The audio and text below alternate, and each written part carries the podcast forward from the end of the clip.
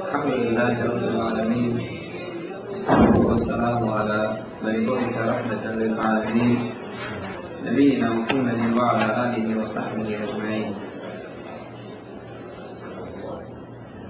Zahvala pripada uzvišenom Allahu Đelešanu, neka je mir i spas na posljednjeg poslanika Muhammeda sallallahu alaihi wa sallam.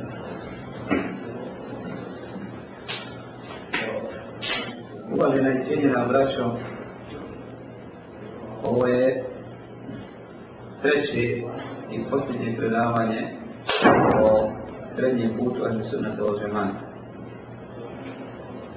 Sutra ćemo Bogu da nešto progovoriti o hađu i kako sve idemo na minu šalama.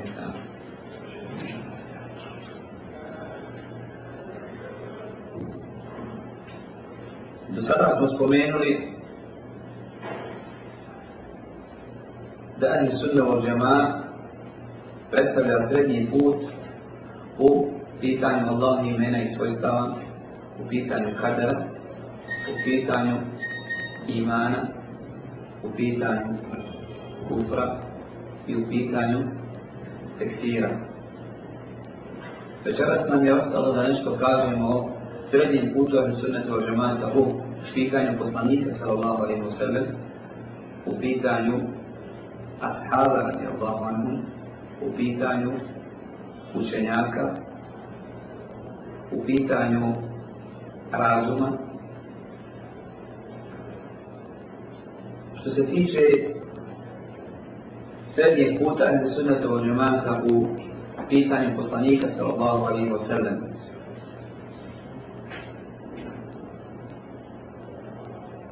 On se ogledao tome da ehli sunna od žena poslanika sallallahu alaihi wa sallam uzima kao onoga kojim je Allah Želešanomu dostavio objavu, objavio Kur'an i naredio mu da je prenese ovome umetu. Vjeruju da je on čovjek kojeg je Allah Želešanomu odabrao između ostalih ljudi i učinio ga najboljim, najboljim stvorenjem. Između onih koji su pretjerali u veličanje poslanika sallallahu alaihi wa sallam, pa su mu pripisali neka božanska svojstva. I oni koji su zanemarili poslanika sallallahu alaihi wa sallam toliko da su svojim, svojim pametima, svom razumu, svojim predpostavljenima i svojim vođama dali prednost nad njim.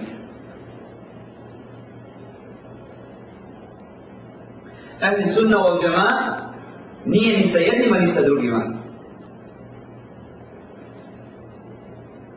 Ne pripisuju poslaniku sallallahu alaihi wa sallam nikakvo svojstvo božanstvenosti. I pored toga što mu je Allah Đelešanu dao određene blagodati i što ga je počastio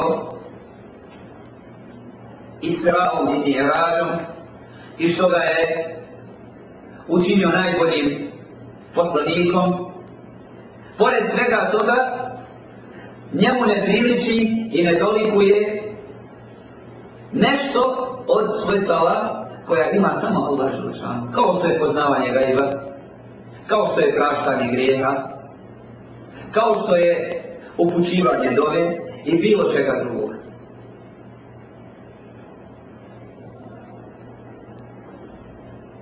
Ali s druge strane, činjenica da je on čovjek, da je on živio životom čovjeka, ne daje nekom za pravo da ga omalovaži, da omalovaži njegovu funkciju, funkciju poslanstva, da ga izjednači sa nekim od ljudi, ili da nečemu i nekome da prednost nad objavom s kojom je on došao.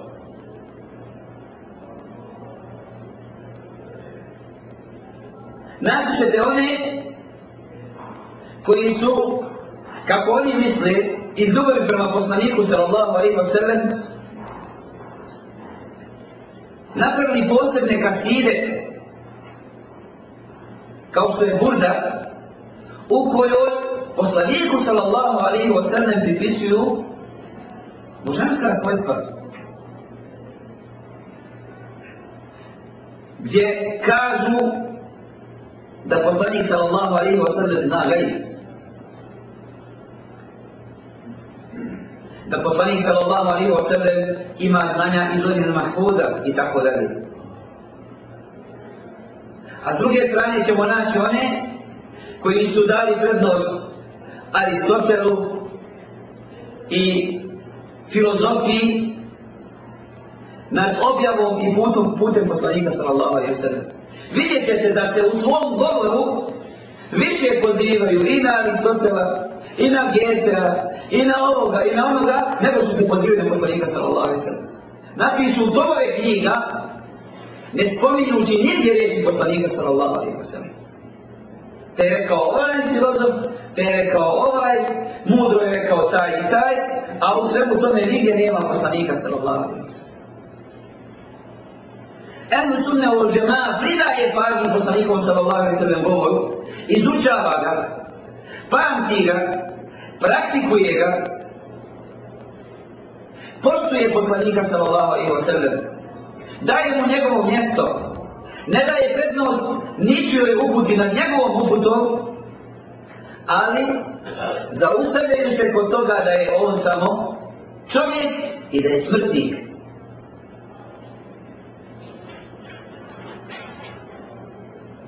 akida koja se uzima iz Kur'ana i sunneta je sigurna akida. Svaka druga akida je puna sumnje. Evo sunne od žena svoju akidu srbi odavle. Iz Kur'ana i sunneta. Onaj koji čita Kur'an i sunnet neće nikad zalutati ovim stvarima. Allah Želešanu kaže u Kur'anu وَمَا مُحَمَّدٌ إِلَّا رَسُولٌ قد خلت من قبله الرسل أفإن مات أو قتل انقلبتم على أعقابكم ومن ينقلب على عقبيه فلن يضر الله شيئا Muhammed sallallahu alaihi wa sallam nije ništa drugo do poslanika. I prije njega su bili poslanici. Ako on umre ili bude ubijen, za ćete se stokama svojim vratiti. A onaj ko se stopama svojima vrati, nakon što mu je znači uputa došla, neće Allah ništa naškoditi. Kada je poslanik sallallahu alaihi wa sallam umro, kada je preselio na bolji svijet, Znate knjižu koja je zavadila među ashabima radi Allahom? Gdje su ome da vjeruju da je umro? Ome je izvukao sablju i rekao onaj ko kaže da je Muhammed mrtav, odmah ću pobiti.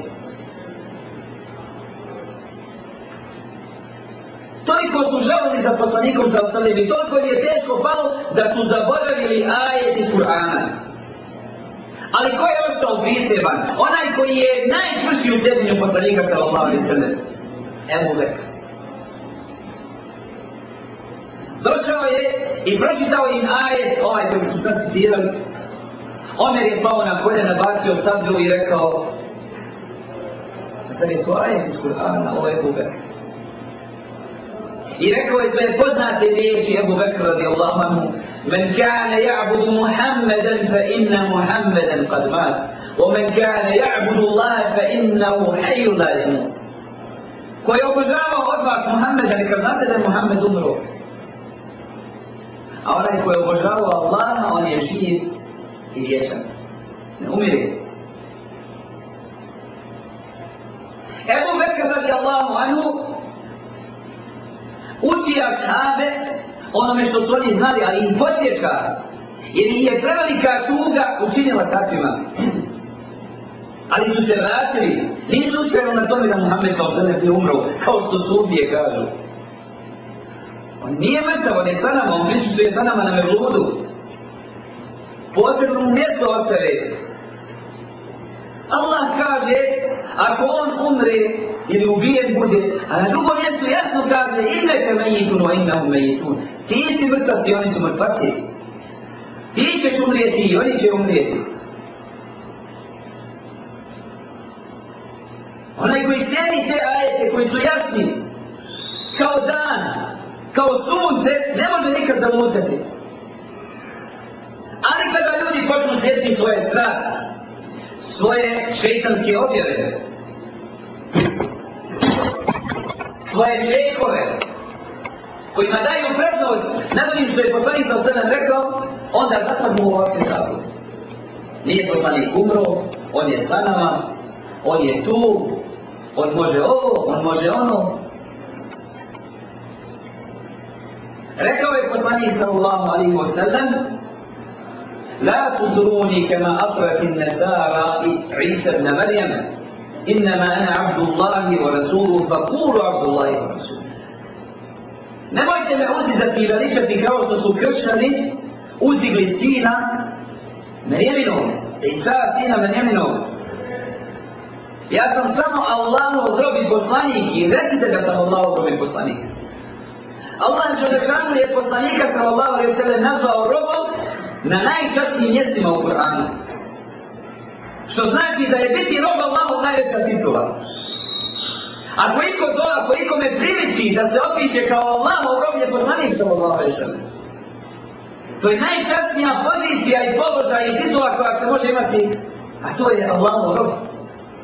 سبحان الذي أسرى بعبده ليلا من المسجد الحرام إلى المسجد الأقصى الذي باركنا حوله لنريه من آياتنا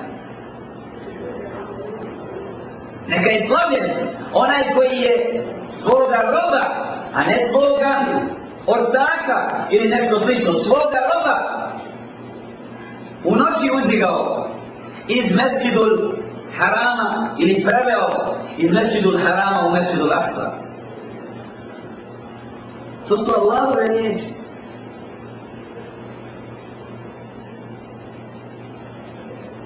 A imamo i one koji nekakvu pažnju poslaniku za Allah sebe ne pridaju. Koji se igraju s poslanikovim govorom kako hoće. Kada im god citiraš hadis Allahov poslanika za sebe, ah, nismo mi poslanici. To je nekad bilo, nemojte sada to. I sada živimo u u Evropi, mi sada živimo u 20. i prvom vijeku, sada rekao poslanik. To je poslanik rekao tada, to je tada važno. Samo da bi odbili hadis Allaho poslanika sa osam. Ili u osnovu mu ne pridaje važno, kaže hadis nije izvor u vjeri. Ono što nam Kur'an da, to uzimamo, a što Kur'an zabrani, to ostavljamo pola ćeš vjeri onda odbaciti. Hajde obavi namaz po Kur'anu. Hajde obavi hađ po Kur'anu. Hajde obavi post po Kur'anu. Hajde daj zekar po Kur'anu. U Kur'anu ima sam opće smjernice. A sunnet pojašnjava Kur'an. Poslanik sallallahu alaihi sallam rekao u hadisu, li te kod vani ime nasirniku, od mene uzmite obrede svoje. U Kur'anu se mu kaže da je hađ propisan, ništa više. I spominje se još da je dozvoljeno požuriti, da onaj ko hoće da požuri u dva dana. Nema detalja, tako isto nema detalja namaza, nema detalja posta. E da nam pokažete kako se to po Kur'anu sve to radi. Nema me sunne da višta.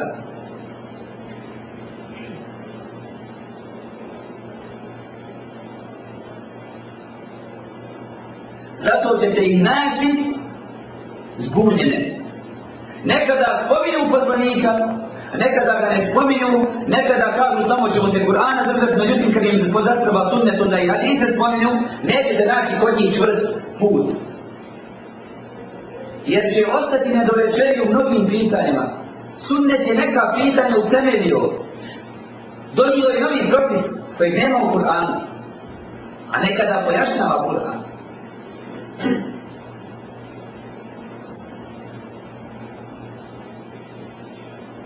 Ehli sunna od ljema nije ni na ovoj, ni na ovoj strani, nego se drži čvrsto drži sunna za Allahu poslanika sallallahu alaihi wa sallam, ali jedini za koga se vezuje Allah sallallahu Ne vezuje se za poslanika sallallahu alaihi wa sallam, niti o njemu ovise, onaj bez koga ne mogu je gospodar svjetova. A poslanik sallallahu alaihi wa sallam je onaj koji dostavio njegovu odjelu. I upravo ovim ajetom koje smo citirali, Allah nas tome uči. Da se samo bez Allaha ne može. Jer nema veće tuge, niti žalosti, niti gubitka od gubitka poslanika sa Allaho ne srne. Svako koga izgubimo poslije poslanika sa Allaho ne srne, stvar je lakša. Majku i babu kad izgubimo lakše nam je od gubitka Allaho poslanika sa srne. Ali pored toga jedini bez koga se ne može je Allah. Zar kad poslanik umre ili bude ubijen, odmetnut će se, gotovo, nema više poslanika. Pa poslanik vam je dostavio samo da Allah nima on, dobo, on govori o, o, o sebe. Čovjek sa svoj imetak potroši da bi dočekao taj trenutak da dođe ovdje u ove svijete predjele. I onda ovdje svoju domu upućuje ili poslaniku, ili ashabima, ili nigdje Allah ne znašao. Na najsvrstijem mjestu, pored Kabe, čovjek ga gdje doziva, gdje doziva svoje eh, lije, one koji imaju posao, to je kod Allah, Želšanu i tako da. Kada mu je srce najviše potrebno dove, kada mu je srce najviše skruženo, jer tada osjeća najveću blizinu, umjesto da zove Allaha, zove drugoga. Oni se da zove Allah, zove poslanika.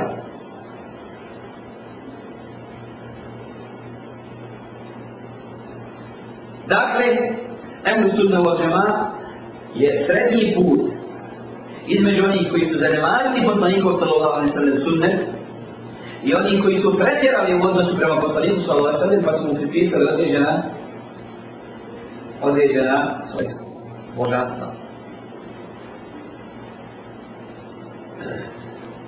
Sedmo pitanje u koje Ehli Sunne od Džemaat predstavlja srednji put je pitanje Ashaba radi Allah. Između onih koji su Ashaba radi Allahu anhu protekvirili i nazvali odmetnicima, osim nekoliko njih. I onih koji su, koji su ashabima radi Allahu anhum pripisali također svojstva božanstvenosti. Čine im i badete, njih dozivaju, od njih traže. Oni koji su tekvirili ashabe radi Allahu anhum, tekvirili su ih zbog navodne istine, Zato što su ashabi po njima prihvatili ljudski sud. Prihvatili su da između dvije, dvije uzavrcenih skupina ashaba radi Allahu anhu presude ljudi. Kada su prihvatili da sa jedne strane pregovara bude jedan ashab, a druge, drugi ashab poznan mu pitanje arbitraže koje je trebalo da da urodi primjerjem i prestank, prest, prestankom projevanja, projevanja, projevanja najčišće krvi. Rekli su, sud pripada samo Allahu, a vi ste dozvoli da sude ljudi. Prema tome, Abija i onaj koji je to dozvolio, su nevjernici. Rekli su, sud pripada samo Allahu. Ali je jasno uzvratio, to je istina da sud pripada samo Allahu. Ali s tom istinom ste htjeli laž. I navodio sam slučaj Abdullah je nabas kako je Gjalija poslao da se sa njima raspravlja. Ili nisam? U predavanju. gdje je Ali radi Allah on dozvolio Abdullah ibn Abbasu da ode do njih, jer je Abdullah ibn Abbas zatražio dozvolu da ode da se raspravlja, da vidi kakve su to njihove nejasnoće, zbog čega su se odvojili od Ali, zbog čega su protiv Kibra stavili. Kaže, otišao je kod njih i zakljepao ih je u ibadetu. Ljudi kojima su na licima bili tragovi od sežde, koji su učili Kur'an. Ona baš onako kako je poslanik sa sobom upisao izrašao je pred njim i rekao, a bili su zadovoljni pošto je on bio Andrić Allah od poslanika sallallahu alaihi wa sallam, i rekao im je, šta prigovarate, Ali je rabi Allah man. Rekli su, prigovaramo mu tri stvari. I jedna od njih je, da je dozvolio da sude ljudi, kako ime Abdullah ibn Abbas odgovorio, odgovorio im je ajetom u kome se dozvoljava da čovjek i žena budu izmirene sa miriteljem iz jedne i miriteljem druge, s druge strane. Koristio ispravnu logiku. Ako je dozvoljeno da čovjek i žena koji su zavadjeni, muž i žena koji su zavadjeni, budu izmireni i da među njima bude popravljen odnos s miriteljem od nje i miriteljem od njega, šta je onda sa dvojicom miritelja koji žele izmiriti dvije skupine muslimana i sačuvati njegovu krv? Pitao je šta je treće? Pa treće je ovo. Jesam li je ponovno nejasnoću od vas? Rekli su, ne, jesi. Dakle, to je, zbog toga su protekfirili Ali radijallahu anhu i ostale ashabi. S druge strane, nasuprot njih su rafidije koje su Aliju radi Allahu anhu uzijele za Boga. Dali su mu pravo propisivanja i zabranjivanja. Dali su mu pravo opraštanja grijeha. Dali su mu pravo prenošenja vjere. Vjera se ne može razumjeti što si preko jebe, tako da je. I jedni i drugi su zalutali kada su pitanje ashabi radi Allahom.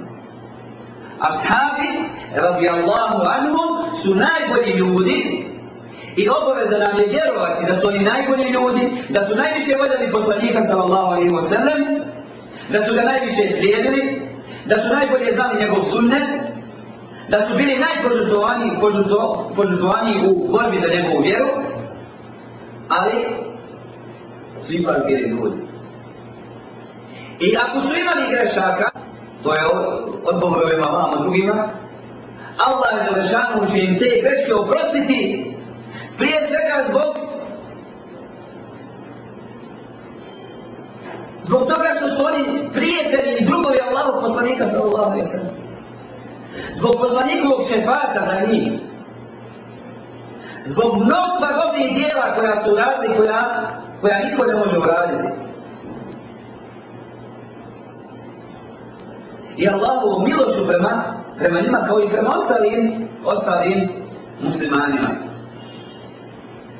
Ali su, s druge strane, dobro koje su uradili, kaj koje su uradili, žrtva koju su dali, ne možemo zbog toga kazati za njih da su da su na stepenu poslanika, kao da su da imaju neko od svojstava Allaha Đelešanu, kao što vjeruju odbatničke sekte koje Ali je radi Allahu Anhu pripisuju Allahu Anhu Lešanu u svojstvu. A sam Ali je rekao da onaj ko da, ko mu da prednost na Ebu Bekru da će ga udariti sa sto udara sa bićar. I naredio je da se spale oni koji su ga smatrali Bogom. Neki od njih su tada rekli, nakon što su saznali da je Ali radijallahu na lijevi da se spale, iako su neki ashabi bili protiv toga, jer poslanik sallallahu alaihi sallam je rekao da kadnom, kadnom, vatrom kadnjava samo gospodar vatre. Ali to je bio štiha Ali radijallahu na lijevi. Na lijevi je da, da se spale ti koji su njega smatrali bolom. I onda su neki rekli kada su zato saznali, ovo je još jedan dokaz da je on Bog, jer svakom ne kažnjao si Bog.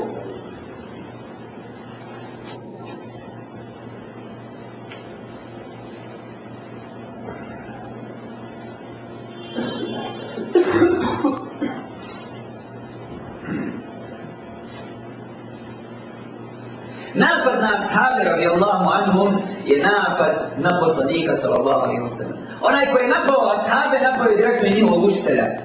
Onaj koji je njih proglasio odmetnicima, direktno je napao na poslanika sallallahu alaihi wa Jer ako su se ashabi svi odmetnuli, nakon poslanikove smrti, osim Ahlul Bejt, ili oni koji nisu učestvovali u, u, u, ovaj, u fitni, koji koji je njihov učitelj? Učitelj im je poznanik sa osrlem. Onda je problematičan i učitelj. Međutim, niko se nije usudio da otvrno napadne poslanika sa osrlem. Na ovaj način oni su ga napali, htjeli, ne htjeli. Oni su njega uvijedili, htjeli, ne htjeli. Zašto? Zato što je poslanik sallallahu alejhi ve sellem zabranio njemu vrijeđanje zabranio njivo opsovanje. Rekao je, lajte subu ashabi, nemojte vjedeti i psovati moje ashabe. فَوَاللَّهِ لَوْ أَنَّ أَحَدَكُمْ أَنْفَقَ مِثْلَ ذَهَبٍ أُرْهُدٍ مِثْلَ أُرْهُدٍ ذَهَبٍ Kada bi, tako mi Allah, kada bi neko od vas ubijelio koliko je vrdo umut zlata, ne bi dostigao ni vrijednost poveza na njihove, na njihove obuće.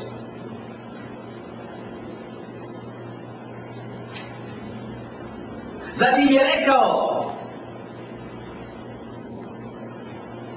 Allaha, Allaha bi ashabi فمن أحبهم فبحبي أحبهم ومن أبغضهم فببغضي أبغضهم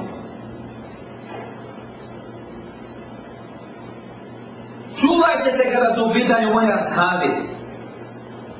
Onaj koji ih bude volio, voli Allaha Đelešanu, onaj koji ih bude mrzio, mrzi, mrzi Allaha Đelešanu.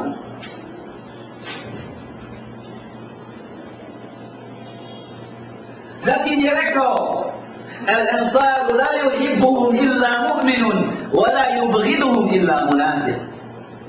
Ensarije ne voli osim vjerni, a ne prezire i ne mrzi osim munafi. Onaj ko napadne na ashabe radijallahu anhum, napao je na prenosioce objave. On dime direktno ruši vjeru, jer bez ashaba, kao oni koji su slušali i učili od poslanika sallallahu alaihi wa sallam, ne može se ispravno prenijeti vjera. Oni su do nas povjerenjem prenijeli ono što je poslanik sa Allaho jer sam ne kazao.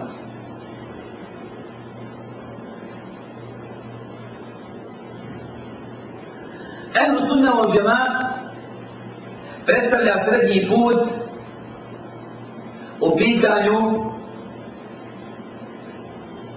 islamskih učenjaka. To je osmo pitanje, tako?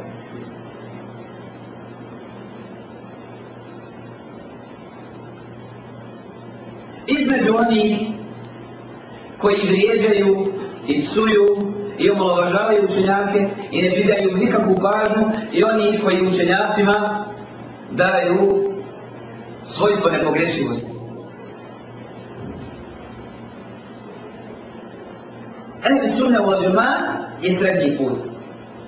Uvažava, cijeni, daje učenjacima njimovo mjesto, poštuje i zbog čega ih poštuje? Zato što su nasljednici Allahu poslanika sallallahu alejhi ve sellem. Poštuje ih zbog toga što su oni nasljednici poslanika sallallahu alejhi ve sellem u prenošenju onoga sa čime ga je Allah dželešanu zadužio. Ali isto tako smatraju i shvataju i prihvataju da oni mogu pogriješiti, da nisu bezgrešni i da njihova riječ nije svijeta i da njihova riječ može biti odbijena ili odbačena ako u sprotnosti sami što je rekao poslanik sallallahu alaihi wa O tome smo govorili u posebnom predavanju o islamskim učenjacima, tako da se nećemo više retule zadržavati. samo naglašavamo da kada su u pitanju ženjaci, srednji put je u tome da se oni uvažavaju, da se cijete, da se spominju po dobru, da ih se preko grešaka prelazi, ali da se na grešku ukaže na islamski način, sa islamskim znanjem i s argumentima, ne vjezgajući pri tome njihove ličnosti i ne sramoteći ih pred ljudima, ne iznoseći, ne iznoseći te greške sa ciljem da se osramote i da se ljudi naslađuju tim.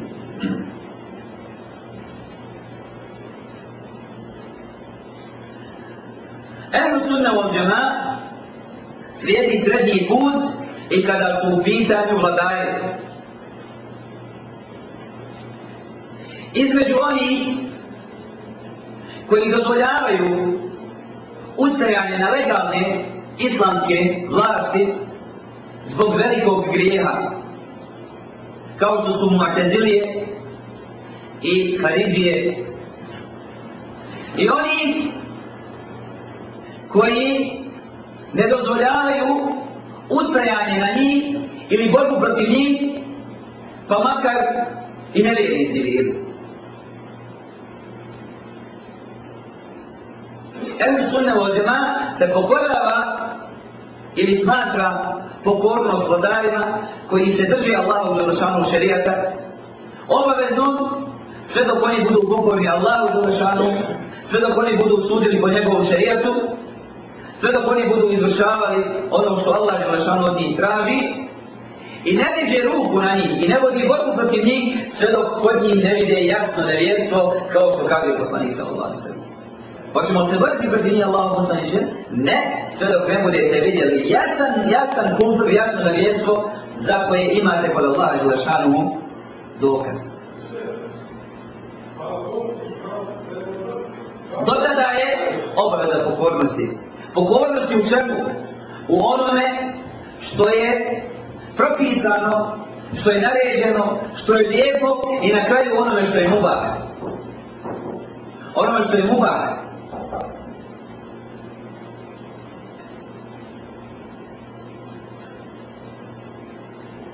Također, kada je u pitanje ustajanje na vladare i rad protiv njih, čak i kada se zna za njihovo nevjesto i kada njihovo nevjesto postane očito, borba protiv njih je povezana sa mogućnošću. Koliko je u mogućnosti onaj koji želi, koji vidi nevjesto, koliko je u mogućnosti da, da upone tog vladara i da dođe sa vladarom koji je bolji od njega, koji će se ukljeti po šarijetu, sa što manje prolivene krvi i sa ostvarivanjem veće koriste od štete. Ukoliko nema te mogućnosti, ukoliko je ta mogućnost mala, nije dozvoljeno ustane na vladare. Ne zbog njih, nego zbog mnoštva života nemenih koji bi mogli biti koji mogli biti žrtvovani, jer se vladari ne usrušavaju u tome. On se ne usrušava da desetite hiljada ljudi gurne u pogibu da bi on ostao na vlasti. Ali ti, kao musliman, kao mu'min, pati svaki život. Stalo ti do svakog života. I ako znaš da će u tome biti proljevanje nemenih i nedužnih života, proljevanje nedužne krvi, nećeš to raditi.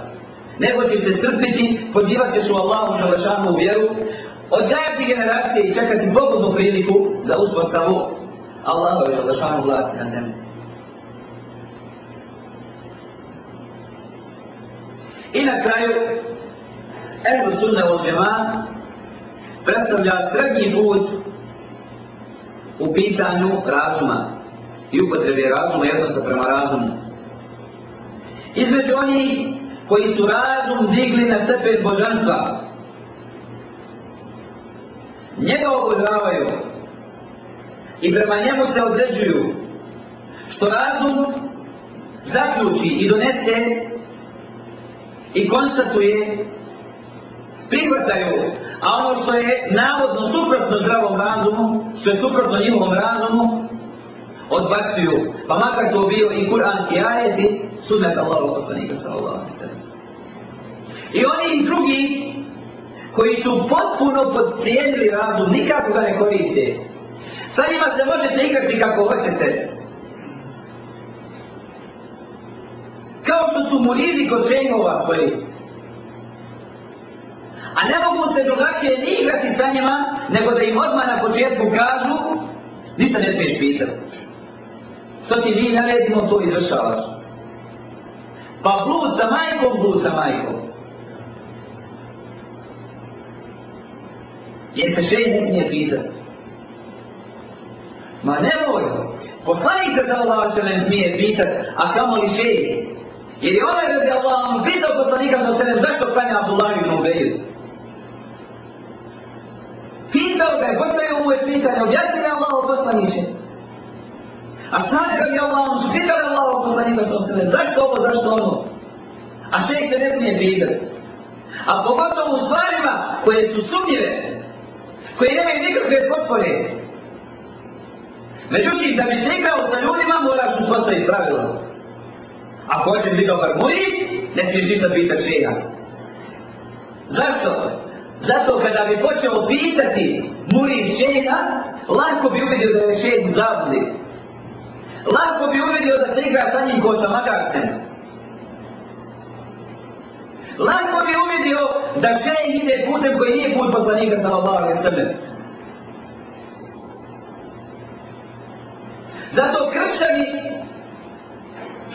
koji počnu pitati o trojstvu, budu spriječeni u tome. Kaže se, to je zakonitost i to se ne dira. Ali onaj ko se dalje interesuje i istražuje, Allah ga uputi u islam. Oni su od Allahove vjere napravili isto što su i kršćani. Napravili su određene dogme, oko kojih se ne smije raspravljati. Ljude drži u zavodi, što će im pamet, što im je Allah dao pamet, kad tu pamet uopće ne koristi. Šta će im pamet? Evo sudjelo džemaje između ovih dviju skupina. Koristi svoj razum, jer zdrav razum nije braćo u suprotnosti sa, sa objavom. Ono što zdrav razum pojima, to nije u suprotnosti sa Kur'anom sunnetom. Druga je stvar što razum ima svoje granice. Razum ne može pojmiti gajba, razum ne može u detalje pojmiti kadera Allahovu. Razum ne može određene stvari pojmiti niti veličinu džennete i džehennema. Ali hoće to biti povod da da ne giramo džennet i džehennem ili neke užitke ili kaznu u džennet i džehennem. Neće zato što razum staje kod objave. Razum privata jednu činjenicu, a ona je da ono što je kazao Allah i njegov poslanik je istina. I mi u to što vjerujemo. Pa makar naš kratki um, razum, ograničen mi to ne mogu dopušiti. Jer da može to dopušiti, kakva bi bilo razlika između gospodara i roba? Kada bi čovjek mogao sve to pojmiti i razumjeti, šta bi bilo razlika između njegovog znanja i znanja gospodara svjetova? Allah za lešanu je njegove znanje sveopće.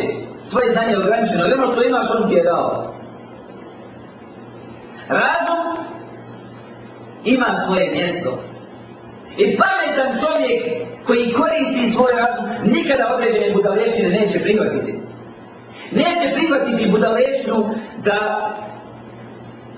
ide bos, da pješači, a nema nikakvog dokaza za to.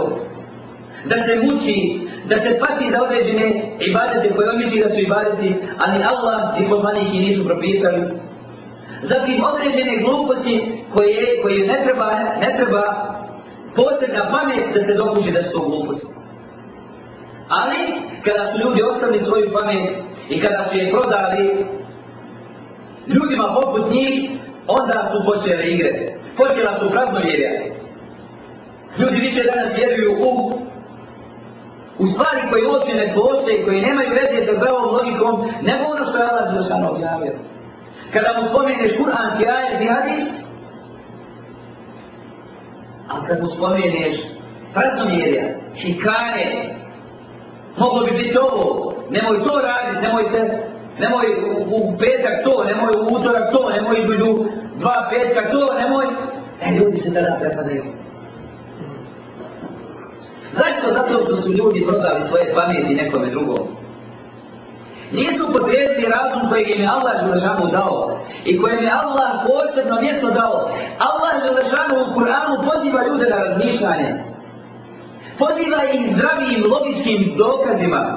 Pogledajte u sebe, pogledajte oko sebe, pogledajte nebesa, pogledajte životinju, pogledajte dere kako je stvorio, pogledajte, pogledajte, pogledajte. Poziva ljude da razmišljaju, poziva ih da koriste svoj razum. Taj razum koji je Allah dao, nije u suprotnosti sa, sa objavom. S time bismo završili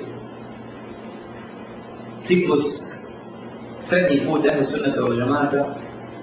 Molim Allah, želešanomu, da nam da snage i moći da ustrejemo na srednjem putu, putu poslanika Muhammeda sallallahu alaihi wa sallam, da nas učini od istinskih pobodnika i sredbenika Ehli Sunnati wa Jamaata da nas učini od onih koji taj put i pravac razumiju i koji druge njemu pozivaju i pojašnjavaju sve ono što se smatra zastranjenjem od tog puta i koji sve to rade tražeći Allah ovaj zadovoljstvo i njegovu obećanu nagradu.